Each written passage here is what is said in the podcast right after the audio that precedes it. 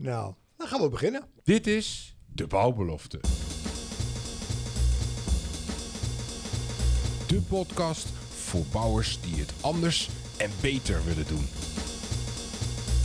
Met altijd een frisse kijk en dwarse blik. Arjan Tullintunnel. Anders en beter luisteraars, dat is waar we voor gaan met de Bouwbelofte podcast met opnieuw een spraakmakende gast aan tafel. Teun Kruip, welkom. Fijn dat je er bent. Ehm, van architectenbureau Zowel. Zeg ik het zo goed met deze klemtoon? Dat klopt. Ja. En, en dan komt gelijk de eerste vraag bij me op. Hoe kom je aan die naam Zowel? Ja, eigenlijk eh, is dat het samenvoegsel van de twee dingen die ik het meest belangrijk vind eh, in architectuur. Althans, de twee dingen waar ik het meest mee ontwerp. En dat is eh, zon en welzijn. En dat maakt dan samen zowel. Nou, ik zeg geniaal bedacht. Ja, is is even over nagedacht. Ja. En hoe, hoe, hoe ben je er zelf opgekomen? Ja, uiteindelijk wel. Ik had een hele lijst met allerlei namen die eh, potentie hadden. En eh, dit was uiteindelijk de beste, naar mijn idee. Mooi. Ja, je, je, je geeft ook aan, hè, ehm, eh, je hebt een speciale interesse voor toekomstbestendige en gezonde gebouwen, industrieel bouwen. Nou, dan zeg ik met een knipoog, hè, dat kan in de bouwbelofte. Dat zal ieder architect zeggen, hè, klein of groot. Maar deze vind ik wel heel bijzonder. Je bent gepassioneerd over daglicht. Dat klopt. Ja. Wat is Ehm. er misgegaan dat je daar gepassioneerd over bent? nou, wat is er misgegaan? Nou, eigenlijk is het wel een grappig verhaal. Ik eh, studeerde in Delft, aan de Technische Universiteit Delft. En ehm, ik merkte gewoon dat ik in de winter eh, iets minder ondernemend was. Iets minder enthousiast was, iets minder vrolijk was. En ik ging me afvragen hoe dat dan kwam. Ehm, en ik was al een beetje bezig met daglicht. En toen moest ik voor een ehm theory thesis moest ik een onderwerp kiezen. En toen kwam ik via mijn werkgever destijds op het onderwerp daglicht uit. En toen be- ben ik bij erin gaan verdiepen. En toen kwam ik erachter dat daglicht ontzettend grote invloed heeft op onze gezondheid. En dat heeft me eigenlijk sindsdien niet meer losgelaten. Ja, mooi, mooi. En mooi ook die link naar je studie. Eh, alleen, ik liet hem even landen, even binnenkomen. Vandaar mijn stilte even, Teun. Je zou toch denken, hallo, eh, je studeert architectuur toch? Klopt. Dat zou toch eh, zo logisch eh, hebben te zijn als je maar denken kunt? Ja, dat zou, ik in- dat zou ik inderdaad ook zeggen. Alleen ik merkte dat tijdens mijn opleiding wat lag de focus best wel op zonlicht en energie. eh, en niet zozeer op gezondheid. En ik kwam erachter dat binnen de biologie daar best wel veel kennis over was. Maar dat heb ik in ieder geval een beetje gemist in mijn opleiding. Toen ben ik het zelf gaan opzoeken. En toen kwam ik erachter hoe belangrijk het was. Ja, ja, ja. Dus, dus de studie is dan meer geënt op, als ik je goed begrijp, de technische kant. Dat denk ik wel. En minder op eh, de welzijnskant.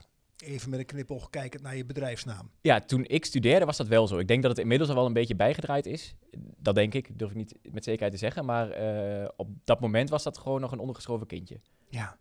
En je bent ook eh, lid, ehm, zeg het ook goed, nog actief in Ubase? Nee, niet meer. Niet meer. En, en wel even voor, voor de luisteraars, want aan, aan Engelse termen ook eh, in jouw wereld geen gebrek, hè? zoals Mhm. overal. Maar wat is Ubase? UBase is een studievereniging van civiele techniek. En ik heb destijds een symposium georganiseerd... waar eigenlijk de constructeur en de architect samenkwamen. Ehm, terwijl dat op de universiteit waren dat hele twee gescheiden werelden. En wij probeerden juist die link eh, eh, te leggen, zeg maar... En, en beide werelden samen te brengen. Dus meer de rationeel denkende constructeur... en de wat creatievere brein van de architect bij elkaar brengen. En hadden we sprekers over de hele wereld die daar, eh, die daar kwamen spreken. En eh, dus de, de, de rationele kant, hoor ik je zeggen, van de constructeur. En de creatieve kant van de architect. Ja, zo ze- zeiden wij dat heel gechargeerd. En ik denk dat, dat, eh, dat ook constructeurs heel creatief kunnen zijn en dat ook al heel architecten heel rationeel kunnen denken. Maar we hebben het even heel gechargeerd neergezet. Dat mag toch ook? Dat mag af en toe, ja. En daarom past het ook zo mooi bij de bouwbelofte. Ja, ja. Omdat we ook het denken vooral op willen rekken van eh, eh, ja, de thema's, over de thema's die we bespreken. Die kunnen heel divers zijn. Het is wel een mooi bruggetje naar architectuur als vakgebied. Hè? Want hoe lang ben je nu actief als architect? Ik ben, eventjes denken, ik denk een jaar of vijf. Ja, een jaar of vijf als afgestudeerd architect. Time flies. Ja, Ja, nou dan heb je ook in die vijf jaar, kan ik me zo voorstellen, gekoppeld ook aan je studie eraan voorafgaand, eh, wat ontwikkelingen eh, gezien in de architectuur, binnen architectuur en de rol van de architect. Ehm, wat, wat, wat heb je zoal, eh, wat is jouw beeld bij ontwikkelingen in jouw vakgebied? Als je kijkt naar de huidige en de toekomstige generatie architecten. Ehm, ik denk dat de wat jongere architecten toch van nature al heel erg bezig zijn met duurzaamheid en toekomstbestendig bouwen. Ehm, omdat dat er vanaf het begin eigenlijk al ingebakken is. Even om als voorbeeld te zeggen, als ik een gesprek met een potentiële nieuwe klant heb, dan vraagt eh, die persoon aan het einde gewoon maar en, en wat, wat doe je dan ook aan duurzaamheid? En dan denk ik, gewoon maar al die dingen die ik benoemd heb, dat is, is al duurzaamheid aan zich, zeg maar. Alleen ik heb het niet zo expliciet benoemd. Dus het zit er eigenlijk, eigenlijk van nature al in verweven. En ehm, ik denk dat, dat dat met de, de jonge generatie, dat dat, dat, dat gewoon, eh, eh, ja, dat de jonge generatie dat gewoon in zich heeft. Lijkt me een mooie ontwikkeling. Ja, het lijkt me En ook een nodig ook. Ja, Nou, dus dat even als, eh, als, als, als verschil tussen eh, enige jaren geleden en nu, als Mhm. ik het goed beluister. Ehm, als je dan kijkt naar de rol van de architect in, de, in het bouwproces, hè? Mhm. Ehm, ja, hoe zie je die rol in de toekomst van jou als architect bij bouw? En dan mag je het op een woning enten, je mag het op een kantoor enten. eh, eh, wat, wat, roept dat zo bij je op?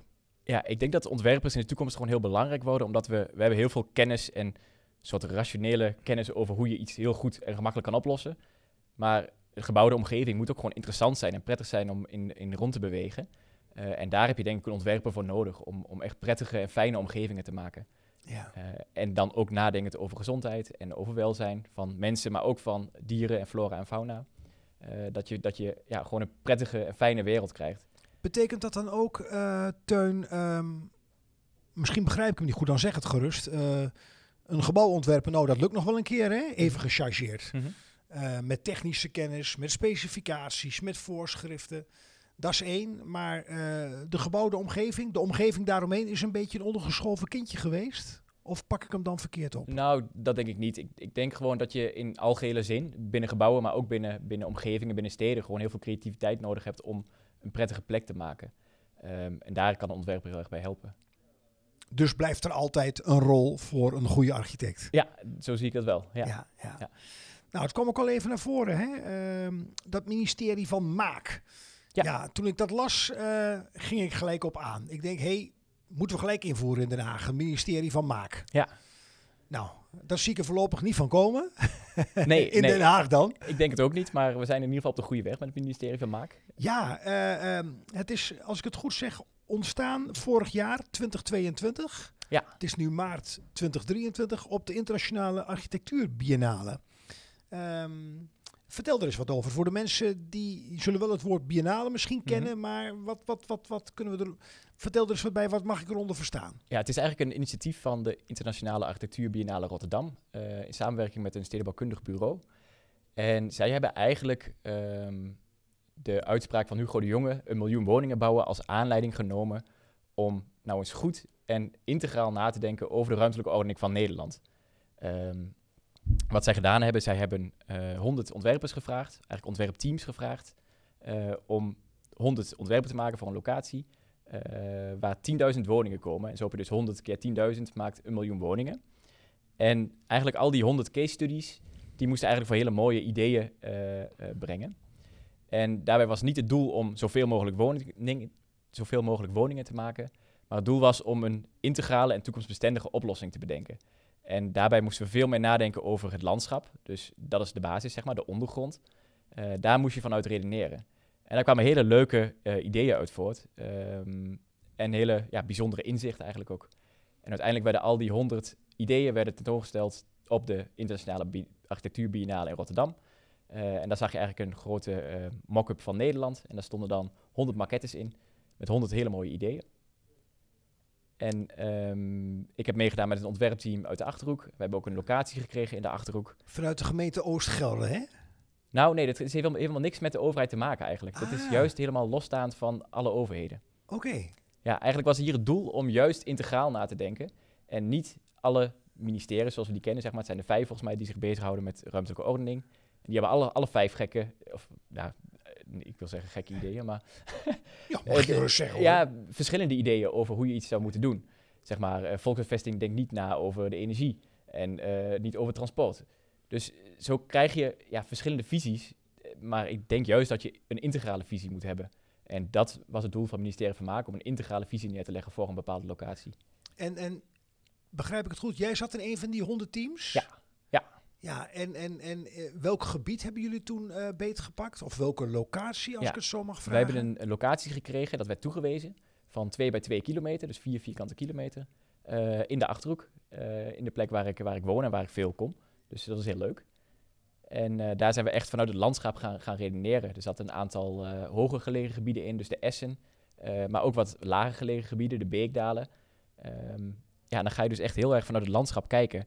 En uiteindelijk kwamen wij tot de conclusie, ja, je moet de Essen gebruiken voor het eh, produceren van voedsel. Eh, de beekdalen moet je gebruiken om eh, het water vast te houden, zodat we ook een, ja, de droogte tegengaan. En daartussen zou je moeten gaan wonen, want dan heb je toegang tot, tot de hoge S waar je voedsel kan produceren, maar ook tot het beekdal waar het water is. Nou, en geloof het of niet, toen we op de kaarten gingen kijken, zijn dat ook precies de plekken waar, waar de meeste boerderijen staan. Dus ja, vroeger deden ze het ook op die manier, dus dan, dan zal het wel goed zijn. Ja, ja. Ja, en even eh, voor de mensen die weten, waar woon je? Dat we even weten over welke streek je Oh, het hebt. ik woon in uh, Lichtenvoorde, in de Achterhoek. Dat is in de Achterhoek, ja. Ja. Nou, die twee bij twee kilometer, daar mag je dan een beetje aanrommelen. in de goede zin van het Ja, woord. ja. Creatief zijn. eh, wat jullie bedacht hebben, is dat ook, is dat ook uit te voeren? Ehm, ja, ik denk zeker dat het uit te voeren is. Maar ehm, het leuke aan het ministerie van Maak is dat we over de dagelijkse problemen heen moeten kijken. Kijk, die grond is van iemand, eh, daar zitten bedrijven, daar, daar wonen mensen. Maar wij zijn nu echt uitgegaan, want dat, dat was ook het doel van het ministerie van Maak.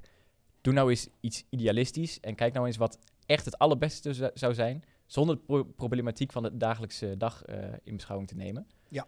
Eh, en zodoende zijn we op een ja, vrij unieke oplossing gekomen. En dat is eigenlijk dat we in het buitengebied, want daar gaat het om, verschillende buurtschappen gaan creëren. Die heel onderling heel veel samenleven. Eh, je woont zelf op een kleinere oppervlakte, want minder vloeroppervlak betekent dus minder materiaal en minder stoken. Ehm, en rond die buurtschappen, daar wordt het voedsel geproduceerd voor, de, voor dat buurtschap.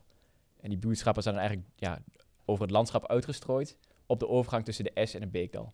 Zodat we in het Beekdal eh, de meer natte gebieden kunnen zijn, waar bepaalde gewassen groeien. Op de S, dat is een hele vruchtbare grond, daar kun je dus wat meer hoge energievoedsel eh, opwekken.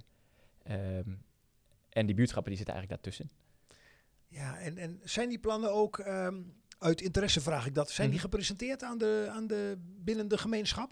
Nou, we, daar zijn we nog mee bezig. We moeten het eh, nog een aantal stappen verder brengen om het denk ik goed te communiceren. En, Ja. ehm, want het, ja, het zal ongetwijfeld wat, wat stof doen opwaaien. Dus we willen het dan wel goed en netjes presentabel maken. Ja, ja, ja, ja, ja. Hey, en, en je zei ook, ehm, ja, er gaat veel door mijn hoofd. Dat merk je misschien wel. eh, er zijn beperkingen nu. Eh, dit is waar jullie mee gekomen zijn. Heb je ook al wat zicht op de andere, eh, eh, op een aantal voorbeelden van de andere honderd groepen die bezig geweest zijn? Ja, zeker. De, de, de architectuurbiennale is al geweest. Dus we hebben alle case studies al kunnen bekijken. En er zitten hele verrassende onderdelen in. En dat komt ook mede door de locaties. Want er had bijvoorbeeld iemand een locatie in een uiterwaarde. Dus Ja, wat, veel wat, water wat is voor jou een heel verrassende? Dat je zegt, hé, hey, zo had ik er nog niet naar gekeken. Uiterwaarde noemde die al even. Ja, dat is heel interessant, want dat stroomt dus onder met water eh, soms. Dus daar moet je mee omgaan. Eh, een andere locatie was op het IJsselmeer bijvoorbeeld, wat, wat erg interessant is. Maar ook binnenstedelijke situaties. Dus hoe kun je de stad goed verdichten? Eh, dus hoe kun je 10.000 woningen bij in de stad inpassen? Hoe doe je dat nou? Dus door gebouwen op te toppen of juist eh, boven bestaande gebouwen te gaan bouwen. Dus allerlei hele verschillende oplossingen waren daarbij. Ik ga je nu uitnodigen om wat vrij uit te denken. Hè? Mhm. We mogen dromen. Is dat oké Ja, wat jou betreft? Dat mag, zeker. Want ik hoor je zeggen, er zijn eh, vijf, en of het er nou vier, vijf of zes zijn, is niet zo relevant. Ministeries bezig met ruimtelijke ordening. Mhm. Dat zeg ik toch goed, hè? Ja. En, en, en, en ga ervan uit dat van die honderd plannen er eh 50 realiseerbaar zijn. Dat is denk ik vrij veel, maar dat zou kunnen. ja, we mogen dromen. Ja, we mogen dromen. Ja, we mogen dromen. Eh, wat, wat zou dan als eerste nodig zijn, organisatorisch gezien, hè? Eh, om, om, om de beperkingen die er gewoon zijn, binnen een redelijke termijn eh, op te kunnen lossen? Ja, ik denk dat er dan toch van hogerhand wat meer bepaald moet gaan worden. Dat eh, de bestuurders in, in dat geval echt visie durven tonen en knopen durven door te hakken. Want zoals het nu gebeurt is, er is ergens een stuk grond vrij en daar gebeurt wat. Eh, of iemand heeft eh, eh, buiten het dorp, zeg maar, daar wordt dan uitgebreid, want dat is ja, dicht bij het dorp. Maar ik denk dat het veel beter is om vanuit het landschap te redeneren om te bepalen waar de uitbreidingen nodig zijn. En ik denk dat je dat van hogeraf moet gaan organiseren. Dus door, een, door echt visie te tonen en te zeggen, we gaan hier uitbreiden en niet daar. Om even als voorbeeld te tonen, we weten dat de zeespiegel gaat stijgen. Ja, is het dan nog heel logisch om heel veel geld te investeren en woningbouw te plegen onder de zeespiegel, helemaal in het westen van het land, zeg maar? Is, is dat nog slim? Of moeten we juist zeggen, nee, we gaan nu die, 10 of die, die miljoen woningen, gaan we juist wat meer op de hogere zandgronden plaatsen? Ja, ik denk dat dat best wel vraagstukken zijn waar we nu over na moeten denken. Want anders lopen we eh, over 50 jaar weer eh, te rommelen. Zeg je dan ook een soort, ehm, ik hoor een soort herwaardering van, heet dat niet ruimtelijke ordening eh, doorklinken? In, in, in, in bestuurlijke termen, centrale regie vanuit Den Haag op, zeg maar, waar gaan we bouwen? Ja, ik, ik denk dat dat, dat dat mag en dat dat nodig is. Dus dat, dat, dat we echt een duidelijke visie hebben op de ruimtelijke ordening. En niet vijf verschillende visies die niet met elkaar stroken. Ja, ja. En, en nu is die visie er niet, als ik je goed beluister. Nee, minder. Althans, ik, ik krijg het niet zo mee. Oké, dus dat is best wel zorgelijk eigenlijk, als ik het zo mag zeggen. Ja, nou, daar, daar wordt wel aan gewerkt hoor. Dat, dat, eh, dat zeker. Maar eh, wat mij betreft mag, dat, eh, mag Ja. er meer regie worden genomen. Ja, nou mooi. Ministerie van Maak. eh, misschien zou een leuke naam zijn voor, een, voor ruimtelijke ordening 2.0. Hè, dat je Ja. het ministerie van Maak noemt. Ja. Ja. ja, overigens zijn alle plannen zijn op, op het, de website van het ministerie van Maak terug te vinden. En eh, zij zijn ook in, in contact met de ministeries. Dus, Gewoon eh, ministerie van Maak.nl voor de luisteraars die in de auto zitten zijn. Of ja. aan het hardlopen of andere dingen aan het doen zijn terwijl ze luisteren. Ministerie van Maak.nl. Oké. Nou, even terug naar jouw roots, hè, waar je ook woont. Lichtenvoorde. ehm, mooi dorp in de Achterhoek voor de mensen die het niet weten. Ehm, er zijn initiatieven daar. Eh, Biobased bouwen, eh, Stadsmijn Achterhoek, ook wel eens eh, misschien van gehoord. Eh, eh, heeft dat voldoende vaart op dit moment waar jij zicht op hebt? Is daar aandacht voor? Oh, dat vind ik heel moeilijk te beoordelen of dat genoeg vaart heeft. Maar ik merk wel dat er heel veel animo voor is. Ik was laat bij een, bij een bijeenkomst en daar waren echt heel erg veel mensen vanuit heel veel verschillende takken van die iets met de bouw te maken hebben, zeg maar. Dus opdrachtgevers, producenten, architecten, ontwerpers. ja, Ehm, dus je merkt wel dat er heel veel animo voor is en dat iedereen zich wel bewust is van dat het moet veranderen. En eh, leuk is dat er dan kruisbestuiving ontstaat tussen, tussen de verschillende disciplines. ja. Welke disciplines zitten daar zo al aan tafel? Nou, met de laatste, laatste bijeenkomst waar ik was, eh daar was een woningcoöperatie bijvoorbeeld. En die heeft gewoon een heel concreet vraagstuk eh, over hoe ze een bepaalde woning op een biobased manier kunnen, kunnen verduurzamen. Nou, en er zit dan ook iemand die eh, in de isolatie zit. Eh, iemand die kan ontwerpen. Iemand die het kan, kan bouwen. Dus je ziet daar alle verschillende disciplines eh, aanhaken. En dan worden er ook echt spijkers met koppen geslagen. Dus dat is, dat is mooi om te zien. Vooral dat laatste lijkt me heel mooi om te zien. Ja. dus niet alleen erover praten, maar het Mhm. ook doen. Hoor ik dat een beetje Ja, doorklinken? Dat, dat wordt daar wel gedaan, ja. Ja, ja, ja. En, en weet je ook al, voor zover je ook daar zicht op hebt, want dit gebeurt dus in de Achterhoek, hè? Mhm. Eh, die slagvaardigheid, zo komt het over. Zie je die ook al in andere delen van het land? Hoor je daar wel eens wat over? Ik moet eerlijk zeggen dat ik, dat ik eh, vooral wat meer lokaal opzoek. Dus, Dat snap ik. Dus wat daar buiten gebeurt, dat, Nee, het dat- kon zijn dat je het zo nee, wist. ik weet wel dat er verschillende initiatieven zijn door heel Nederland op dit vlak. Ehm, maar ik ben zelf alleen aangesloten bij, eh, bij de Achterhoek. Ja.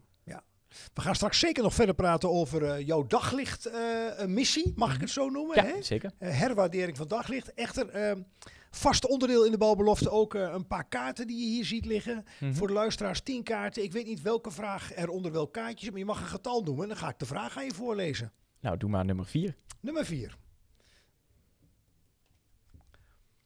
Ja. eh, wat is jouw grootste kwaliteit, Teun? Mijn grootste kwaliteit. Ja. Ehm, ik denk dat ik eh, vrij overkoepelend en creatief kan denken, zeg maar. Dus dat ik ehm, mensen kan aanhoren wat, wat, wat hun ideeën zijn. En dat allemaal kan overzien. En dan uiteindelijk met een soort, ja, in, in mijn geval veel vaak een ontwerpoplossing kan komen. Ehm, dus meer dat, dat overkoepelend kijken en dan eh, ja, met, met iets komen. Dus verder kijken dan je kennis, je expertise. eh, meer, eh dat wordt wel helikopterview genoemd, als ik je goed begrijp. Ja, ik denk dat dat, dat is misschien eh, de juiste benaming Ja. ervoor. Dat je verder kijkt dan alleen de technische kant van een ontwerp. Ja. Hè, eh, en, en ook lange termijn gevolgen. Dat hoor ik een beetje doorklinken in wat je vertelt. Ja, ja, ja. Lange termijn denken er, er, erin meeneemt. Ja. Ja, misschien om te leuk te vertellen. Ooit zei een werkgever tegen mij, een architect, die, die heeft heel veel parameters waarmee die kan ontwerpen. Als een soort, eh, noem je dat, zo'n fruitbox zeg maar in, in het casino. Ja, Je trekt aan die hendel en dan gaan al die rolletjes lopen. eh, one-arm bandit. Ja, en dan gaan alle rolletjes lopen. En als architect is dan het doel om zoveel mogelijk rolletjes op, op, op het juiste eh, getal te krijgen, zeg maar. Ah, oké. eh, de jackpot. Ja, de jackpot. ja. Je mag nog een cijfer noemen. Zes. Nou, ja, in het hier en nu, hè. Waar kun jij je echt druk over maken op dit moment? Mag van alles zijn. Goh, dat is wel een, een, eh, moeilijke. Ehm, Daarom stel ik hem ook. ja. Ik kan me soms best druk maken over dat we, eh, dat we weten dat we toch beter met het klimaat en met het milieu om moeten gaan. En dat we dat dan alsnog niet doen. Mis je dan een soort ehm, urgentiebesef? Snap je wat ik bedoel? Ja, dat is het vooral. Dat, iedereen weet wel dat het moet. Maar ja, iemand anders doet het wel voor mij, zeg maar. En Ja. ik vind dat we allemaal zelf eigenlijk moeten veranderen. Iets meer, een, ja, iets meer moreel besef zouden moeten hebben en Ja. het echt te doen. Zijn we dan mogelijk met z'n allen, eh, eh, in de massa bedoel ik dan, hè, de grote aantallen, gewoon nog niet gemotiveerd genoeg om er echt mee bezig te gaan? Ja, dat denk ik eigenlijk wel. Ja. We weten het wel, maar we doen het toch nog niet echt. Ja. En ja, ik probeer daar zelf bij stil te staan, maar het lukt mij ook niet altijd. En ehm, ja, dat, Ja, dat vind ik, vind ik moeilijk. Ja. Ja, en, en, en zie jij, eh, wat, wat zou jij inzetten eh, eh, daarop voortbordurend? Ehm, wat zijn volgens jou mogelijkheden of kansen of manieren? ik zoek even naar een goede bewoording in mijn vragen. Om, om, om dat besef wel te laten landen. Sorry, nog een keer. Sorry. Nou, wat, wat zou je kunnen doen volgens jou om Mhm. dat urgentiebesef wel te laten landen? Dat we ons met z'n allen eh, wat meer bewust zijn van de noodzaak, zonder het te dramatisch te Ja. maken en er ook naar handelen. Ja, ik, ik denk dat je wat meer inzicht moet hebben in de dingen ehm, waar jij verantwoordelijk voor bent, zeg maar. Eh, Om even weer terug te grijpen op het ministerie van Maak. Daar hadden we Graag. bedacht eh, dat ieder buurtschap met de buurt, zeg maar, voedsel eh, maakt en energie maakt. En ehm, als het op is, dan is het op, zeg maar. Ehm, dus je, je bent wat meer verantwoordelijk voor, voor, je, ja, voor, voor je eigen voorzieningen. En eh, nu steken wij, steken wij gewoon de stekker in het stopcontact en er komt wel stroom uit. We doen de kraan open, er komt water uit. En we gaan naar de supermarkt en we hebben eten. Ja, we hebben een beetje zicht verloren waar het vandaan komt. En ik denk dat als we daar meer zicht op hebben, dus wat er allemaal nodig is om dat eh, voor elkaar te krijgen, dat we dan wellicht ook wat zuiniger zullen leven. Nou, dat is een hele mooie, eh, prikkelende gedachte ook. Ja.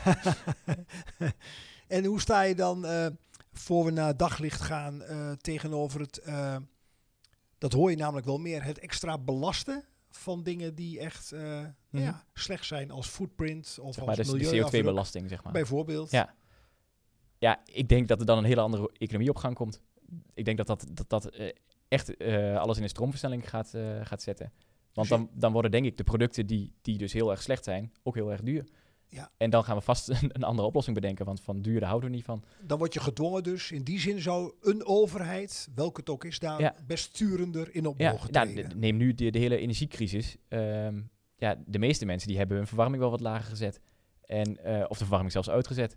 Opeens kwam een dekentje de bank op, zeg maar. Dat was anders niet Dat gebeurd. was anders niet gebeurd. En doordat het wat duurder wordt, ja, gaan we toch anders nadenken. ja. Dus soms is zo'n economische stimulans eigenlijk helemaal niet verkeerd, denk ik. Ja, ja, ja, ja.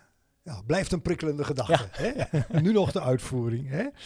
Nou, terug naar het daglicht. Hè? Mhm. Ehm, help me even. Aan het begin zei je, eh, dat is gewoon goed voor de mens. Ja. Nou, daar zal niemand nee tegen zeggen die eh, luistert naar deze balbelofte. Ja. Eh, alleen van, van een beetje ondergewaardeerd hoor ik, hoor ik ook een beetje doorklinken. Mhm. En je bent bestuurslid van de Dutch Daylight Award. Ja, nou eigenlijk soort- Daylight als stichting. En eh één keer in de twee jaar hebben we nou op boord. Ja, een soort Oscar-uitreiking voor eh, een, een baanbrekend initiatief eh, die daglicht anders onder de aandacht brengt. Ja, zo kun je het noemen. Eigenlijk een project die op een hele bijzondere manier met daglicht omgaat. En dat kan heel veel daglicht zijn, maar het kan ook een hele bijzondere, moeilijke situatie zijn waar toch daglicht in is gekomen. Ehm, eigenlijk ja, innovatieve projecten. Ja, want jullie doel is als eh, club eh, het, het promoten van het optimaal gebruiken van daglicht in de gebouwde omgeving. Ja. Zo eenvoudig is het eigenlijk. Ja, het is, het is heel eenvoudig. Ja. Ja. En, en, en, en bij daglicht kan ik me ook iets voorstellen. Iedereen, denk ik. Maar toch is het nog een beetje abstract. Dus ik zoek wat verdieping. Ehm, je zegt die award, eens in de twee jaar.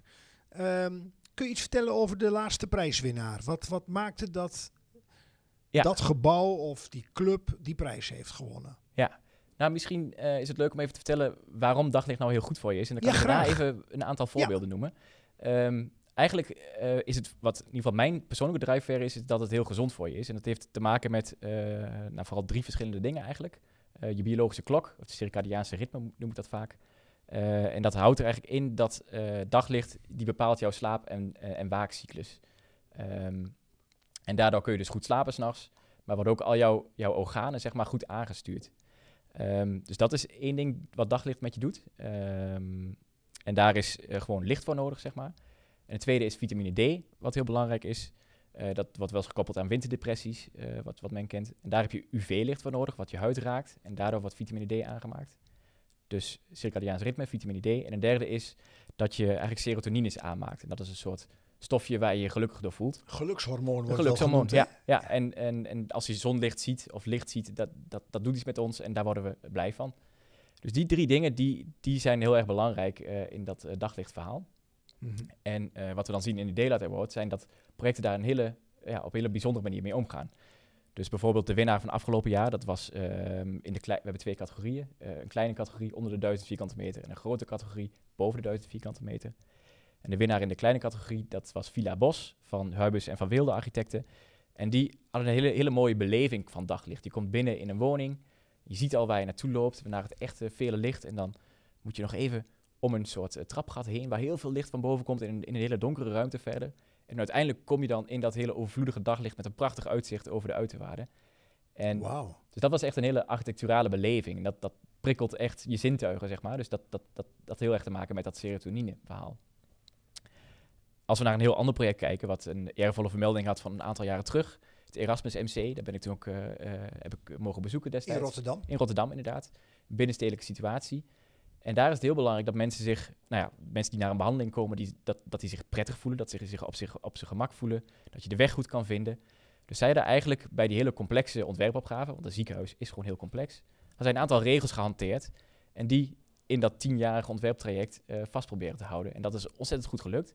En daardoor kom je eigenlijk, ja, vind je als van nature de weg, zeg maar. Hè, het licht dat wijst de weg naar waar je naartoe moet. En zelfs op de allermoeilijkste plaatsen hebben ze nog daglicht weten te, te krijgen. Dus op de radio radiologieafdeling, wat altijd een beetje ondergeschoven in de kelder zit, zeg maar. Zelfs daar hebben ze in de wachtruimte daglicht weten te krijgen. En dat, ja, dat geeft die mensen gewoon heel veel rust. En, en dat was een, een, een proces van tien jaar, hè? Die, die uitbreiding. Ja, ik geloof het wel. Ja. Ja, en, en heb je, kun je mogelijk ook iets vertellen over de, de, de, je begint eraan, maar dan die energie vasthouden, Ja, dat is... dat dit essentieel is. ja, ja. Eh, weten jullie iets hoe ze dat, ja, hoe ze dat geflikt hebben, dat kunstje? Ja, volgens mij hebben zij een lijst gemaakt, maar dat durf ik niet helemaal met 100% zek- zekerheid te zeggen. Dus volgens mij hebben ze een lijst gemaakt met, met een soort kernwaarden. Eh, zo van, nou, deze tien waarden, die willen we sowieso overeind houden. Nou, één daarvan was dat aan ieder einde van de gang licht zit. Zodat je altijd naar het daglicht toe loopt. Dat is gewoon heel erg prettig. Dus dat was één van die waarden. En die hebben ze dus ja, gedurende dat ontwerptraject eh, vast eh, ga- te- eh, weten te houden. Wat goed. Ja. Kun je nog een voorbeeld noemen?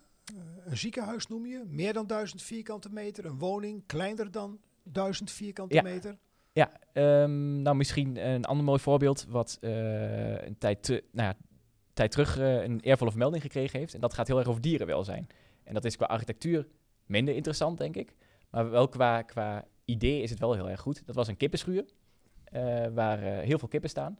En die heeft een volledig translucent dak. Dus er komt heel veel daglicht binnen. En wat ze dus zien, is dat die kippen veel minder stress hebben. Eh, Echt waar? ja, en veel minder eh, eh, opstootjes, zeg maar, vijandig gedrag eh, vertonen. Ehm, dus die, die, die kippen zijn gewoon veel rustiger. Dus ja, het, het is prachtig. Het, het is, het is ja, gewoon helemaal een translucent dak en die kippen die, die, die lopen daar te scharrelen. En je Eh, zegt translucent, hè? Ja, dus ehm, gewoon doorzichtig eh, daglicht kan er naar binnen. ja, niet doorzichtig, maar wel lichtdoorlatend. Ah, oké. Want als er een roofvogel overvliegt, dan moeten die kippen daar niet bang van worden. Jemig, daar heb je ook aan te denken. Ja, ja. Nou, ik wist oprecht niet dat architectuur zo'n veelzijdig vak zou zijn. Ja, nou, dat, dat, eh, dat is het wel. Ja. Zoals ik zeg, je hebt heel veel parameters waarmee je kan ontwerpen. En daar is daglicht er één van. Ja. Ehm, je moet overal rekening mee houden. En merk je dan ook, eh, dankzij jullie inspanningen met die... eh, het is een stichting, hè? Die, Ja. die dat promoot. Jij bent dus bestuurslid. Eh, vind je eh, eh, onder vakgenoten, hè? Eh, Mhm. kleine bureaus, grote bureaus, maar ook opleidingen. Hè? Je hebt zelf in Delft gestudeerd. Ja. Als je kijkt naar het hier en nu, is er al meer aandacht voor het nut en effect van daglicht? Ja, dat, daar ben ik van overtuigd. Dat, ehm, er is veel meer kennis eh, aanwezig. ehm, en men is, ik denk in zijn algemeenheid, veel meer bezig met welzijn, met gezondheid. Eh, en daarom is daglicht ook steeds belangrijker geworden. En je ziet het ook in, in de projecten dat het steeds eh, vaker een, een hogere prioriteit krijgt. Dus dat is een hele goede, ehm, hele goede tendens. En om even terug te grijpen naar die award. Het is heel leuk eh, om te zien dat zeg maar, de winnaars in 2008 eigenlijk een soort van ja, toevalstreffer hadden, zeg maar. En dat, dat de winnaars later ja, echt heel bewust iets ontworpen hebben en dat dat dan ook zo uitpakt. En dan maak je me wel nieuwsgierig. Toevalstreffer, ook al is het wat langer geleden. Vertel er eens wat over. 2008. Ja, toen was ik zelf overigens nog niet bij de stichting betrokken, dus een tijd geleden, het was nog aan het studeren. Maar ehm, dat was een, eh, een turnhal eh, en ik ben later naar een lezing geweest van hem. En het was een hele mooie turnhal en die hadden een soort ja, licht langs de gevel, ja, hoe moet ik het uitleggen? Eh, de gevel die kwam een stukje naar buiten toe, zodat er tussen het, de dakrand en de gevel zelf wat licht naar binnen kon schijnen. Zodat de turners geen last hebben van dat licht. Maar daardoor kwam er een heel mooi, fijn, diffuus licht binnen. eh, wat hele, een hele prettige omgeving eh, gaf. om te sporten. Om te spoten, Om te inderdaad. Ja, ja. En ze hadden er wel natuurlijk wel nagedacht dat het, dat het, dat het zo zou zijn. Alleen, eh, je kon het destijds niet berekenen of zo. Dus eh, wat dat betreft is het een hele mooie, mooie uit, eh, ja, uitwerking geworden. Een uitdagende vraag misschien voor je, Teun. Ehm, naar het hier en nu. Als ik door het land rij en ik kijk naar een gemiddelde Vinex-locatie. Mhm. 201 kappers, vaak wat vrijstaande woningen. Steeds meer appartementengebouwen. Hè. We Mhm. moeten de hoogte in, zoals dat genoemd wordt. Hè. eh, doordat gemeenten ook tegen hun eigen grenzen aanlopen. De fysieke grenzen die er zijn. Eh, tussenwoningen.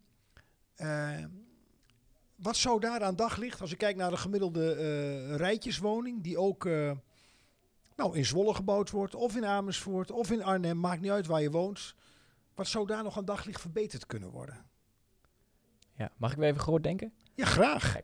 Nou, in mijn ideale wereld zou je, als je door de straat, door de wijk loopt, zou je moeten kunnen zien waar het zuiden zit. Zeg maar, dat, dat we alleen al de hele wijk alleen al oriënteren, eh, goed ten opzichte van de zon. Heet dat zongericht, wat je nu met zonnepanelen ook al ziet?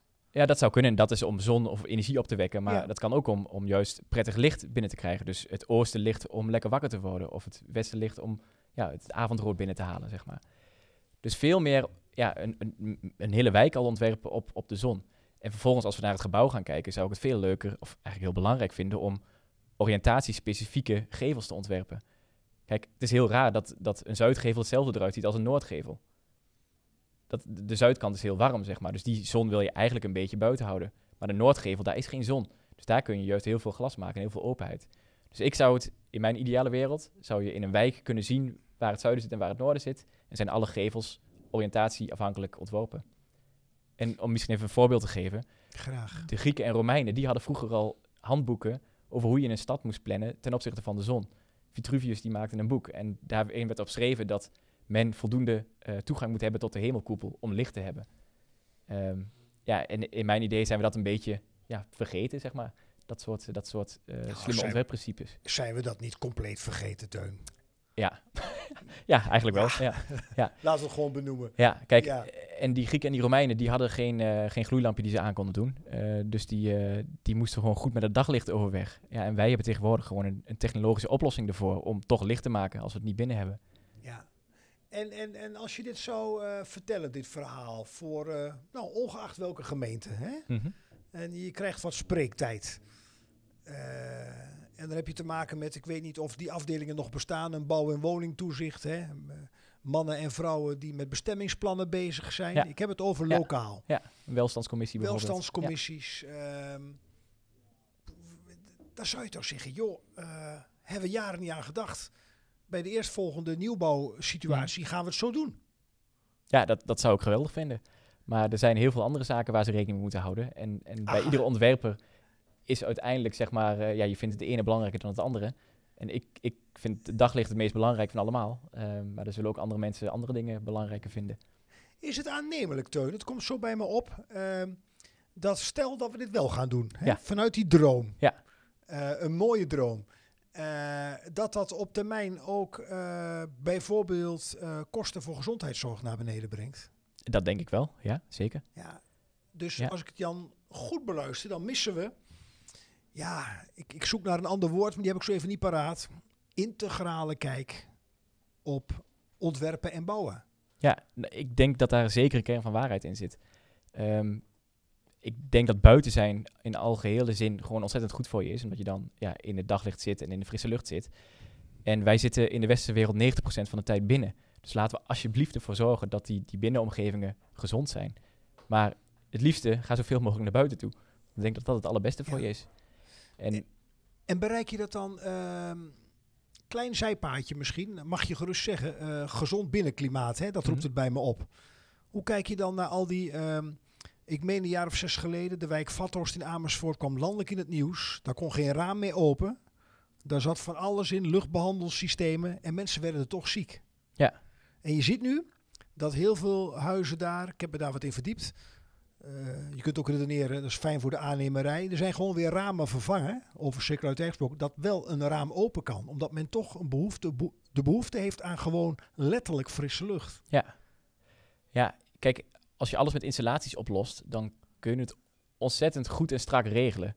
Maar ik denk dat het juist belangrijk voor ons is om een beetje fluctuaties te hebben. Zeg maar, licht donker, eh, even ietsje kouder, dan weer ietsje warmer. Ehm, dat je een raam open kan zetten, dat er echt even flink veel frisse lucht binnenkomt. Dus ik denk dat die, die, die individuele regelbaarheid, zeg maar, eh, dat dat heel belangrijk is. En dan, ja, dan moeten we maar voor lief nemen dat het niet altijd 100% 20,5 graden is. Ja. En merk je dan dat eh, er wel een beweging gaande is, dat, dat daar weer meer oog voor is? Want daar zijn we mogelijk een beetje in doorgeslagen. In het eigenlijk die huizen pot dichtmaken. Behalve een voor- en een achterdeur die nog open kan en Ja. dicht. Ja, ik, ik merk dat wel, maar misschien ben ik een beetje biased. Dat, eh, dat, dat weet ik niet. Oké, Ja. ja. ja. Nee, maar even als voorbeeld te noemen. Ik vind het heel belangrijk dat als ik een woning ontwerp bijvoorbeeld, dan is mijn soort van graadmeter dat het even makkelijk moet zijn om met je bordje eh, naar buiten te lopen, eh, met je bordje met eten, zeg maar, dan dat je met je bordje met eten aan de keukentafel gaat zitten. Je moet het makkelijk maken om naar buiten te kunnen en om, ja, om die frisse lucht op te zoeken. Heel goed, heel goed. Ja. Ehm, uiteindelijk zijn we, eh, eh, je gaf ook aan hè, eh, in de voorbereiding, je kwam bij Radio Gelderland terecht om je mening te geven over de line.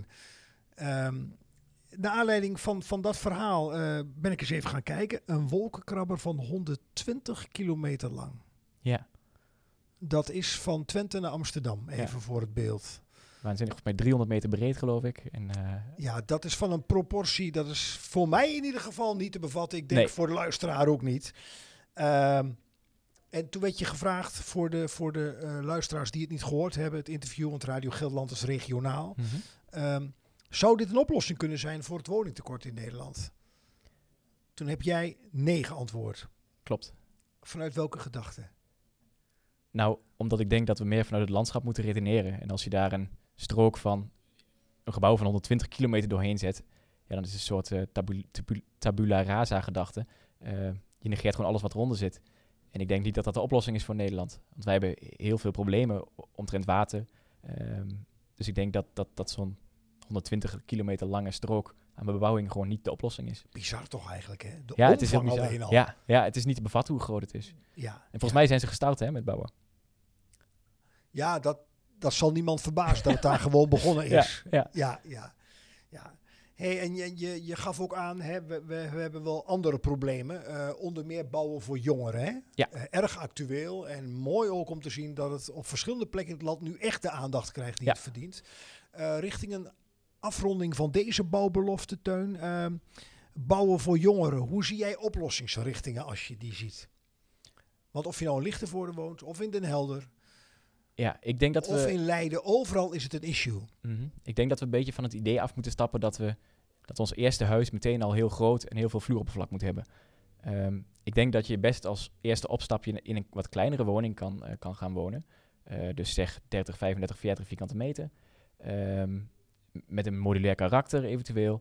Ehm, met een verplaatsbaar karakter, dat we ze ook van, ja, van de ene locatie naar de andere locatie kunnen zetten. Ehm, en dat we dan niet gaan denken in die traditionele rijwoningen waar mensen dan als vaak aan, aan denken. Dus meer prefabriceren, ehm, meer flexibiliteit aanbrengen, zeg maar, dat je het de ene keer in het, op de ene locatie kan neerzetten en over x aantal jaren op een andere locatie neer kan zetten. En dat kan gewoon een hele prettige, goede woning zijn eh, voor een starter, maar ook voor, voor andere mensen die eh, met kleinere gezinssamenstellingen wonen. En, en, en welke belemmeringen zijn er dan in het hier en nu om, daar, om dat op grotere schaal te kunnen realiseren? Nou, ik denk dat het vooral niet aansluit bij onze Nederlandse bouwtraditie. Ehm, eh, vaak eh, worden die, die woningen zeg maar geprefabriceerd, dus het ziet er wat anders uit, zeg maar. Ehm, en dat sluit niet zo aan bij, bij onze Nederlandse bouwtraditie. Ehm, en ik denk dat daar een, een, eh, ja, een crux zit, zeg maar. Omdat, omdat, eh, Dus eigenlijk is de achterliggende gedachte emotie. We zijn het niet gewend, we kennen het niet. Ja, we zijn er niet gewend inderdaad, maar ook eh, ehm, om het voor elkaar te krijgen, nou, die, die welstand bijvoorbeeld. eh, eh, je moet het netjes inpassen in de stad en daar ben ik het helemaal mee eens. Maar ik vind ook dat we door moeten, dat we, dat we op een andere manier moeten gaan bouwen. En dat ziet er nou eenmaal anders uit en dat moeten we dan ook maar toelaten. Ja, dus je mist nog, als ik het goed beluister, experimenteerruimte, mag ik het zo zeggen? Ja, dat, dat is inderdaad zoals het is. Ja, ja, oké. Ja, nou, veel belicht, eh, Teun. Ehm, ja, eh, veel aandacht voor daglicht. Ik denk het denken in ieder geval van mij opgerekt en ik hoop van vele luisteraars. Ehm, zijn we iets vergeten als je kijkt naar jouw gepassioneerde betoog voor het belang van daglicht? ehm, nou, ik denk dat we de meeste dingen benoemd hebben. En ik zou vooral zeggen, eh, ga naar buiten en geniet van het zonnetje. Ook dat, ja. En eh, eh, ja, over vitamine D, daar dacht ik nog even over na. Hè. Eh, ik ben er ook wel een beetje klaar mee, eerlijk gezegd, met dit weer. Dat, dat, dat komt vooral via de handen in je gezicht binnen, hè? zeg ik dat zo goed? Ehm, Als je buiten loopt? Je maakt het aan wanneer UV-licht je huid raakt. Aha, oké. Ehm, dus je moet met ontblote armen naar buiten. Oké. Nou, dat is een mooi motto voor de rest van de dag misschien, hè? met ontblote armen naar buiten. Teun Kruip, eh, hartelijk dank. Fijn dat je er was om een ander geluid te laten horen over architectuur, maar vooral het belang van daglicht. Ontzettend veel succes met eh, je nobele stichtingswerk, met je bestuursleden eh, voor stichting Dutch Daylight. Hè? Wat was die site ook alweer waar je ministerie van Maak, hè, geloof Ja, ik? klopt. ministerie van Maak.nl. Kijk er gerust naar en ik hoop je eh, eh, terug te horen eh, bij een volgende podcast, luisteraars. Dus ik sluit weer af met de gevleugelde woorden. Tot de volgende bouwbelofte.